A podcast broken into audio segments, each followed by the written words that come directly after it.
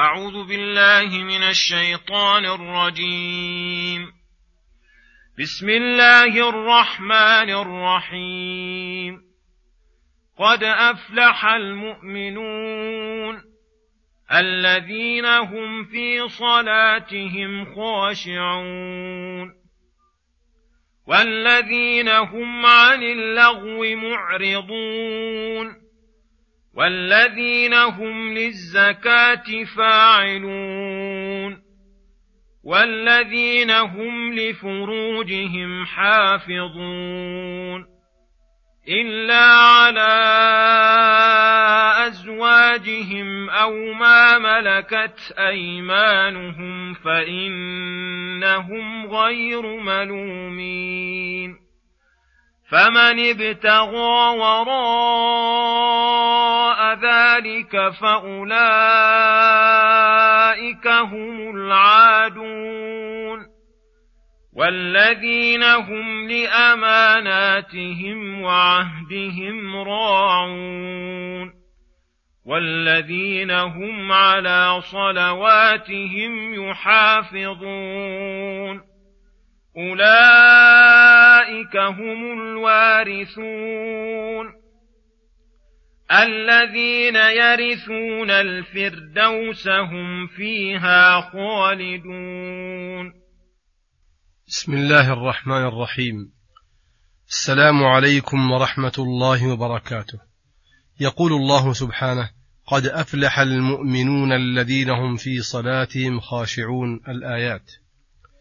هذا تنويه من الله بذكر عباده المؤمنين وذكر فلاحهم وسعادتهم وبأي شيء وصلوا إلى ذلك. وفي ضمن ذلك الحث على اتصاف بصفاتهم والترغيب فيها. فليزن العبد نفسه وغيره على هذه الآيات. يعرف بذلك ما معه وما مع غيره من الإيمان زيادة ونقصا كثرة وقلة. فقوله قد أفلح المؤمنون أي قد فازوا وسعدوا ونجحوا وأدركوا كل ما يروم المؤمنون الذين آمنوا بالله وصدقوا المرسلين الذين من صفاتهم الكاملة أنهم في صلاتهم خاشعون والخشوع في الصلاة هو حضور القلب بين يدي الله تعالى مستحضرا لقربه فيسكن لذلك قلبه وتطمئن نفسه وتسكن حركاته ويقل التفاته متادبا بين يدي ربه مستحضرا جميع ما يقوله ويفعله في صلاته من أول صلاته إلى آخرها. فتنتفي بذلك الوساوس والأفكار الردية وهذا روح الصلاة والمقصود منها وهو الذي يكتب للعبد. والصلاة التي لا خشوع فيها ولا حضور قلب وإن كانت مجزية مثابا عليها فإن الثواب على حسب ما يعقل القلب منها. والذين هم عن اللغو وهو الكلام الذي لا خير فيه ولا فائدة معرضون رغبة عنه وتنزيها لأنفسهم وترفعا عنه. وإذا مروا باللغو مروا كراما فإذا كانوا معرضين عن اللغو فإعراضهم عن المحرم من باب أولى وأحرى وإذا ملك العبد لسانه وخزنه إلا في الخير كان مالكا لأمره كما قال النبي صلى الله عليه وسلم لمعاذ بن جبل حين وصاه بوصايا قال ألا أخبرك بملاك ذلك كله؟ قلت بلى يا رسول الله. فأخذ بلسان نفسه وقال كف عليك هذا. فالمؤمنون من صفاتهم الحميدة كف ألسنتهم عن اللغو والمحرمات والذين هم للزكاة فاعلون أي مؤدون لزكاة أموالهم على اختلاف أجناس الأموال. مزكين لأنفسهم من أدناس الأخلاق ومساوئ الأعمال التي تزكو النفوس بتركها وتجنبها. فأحسنوا في عبادة الخالق في الخشوع في الصلاة وأحسنوا إلى خلقه بأداء الزكاة والذين هم لفروجهم حافظون عن الزنا ومن تمام حفظها تجنب ما يدعو إلى ذلك كالنظر واللمس ونحوهما.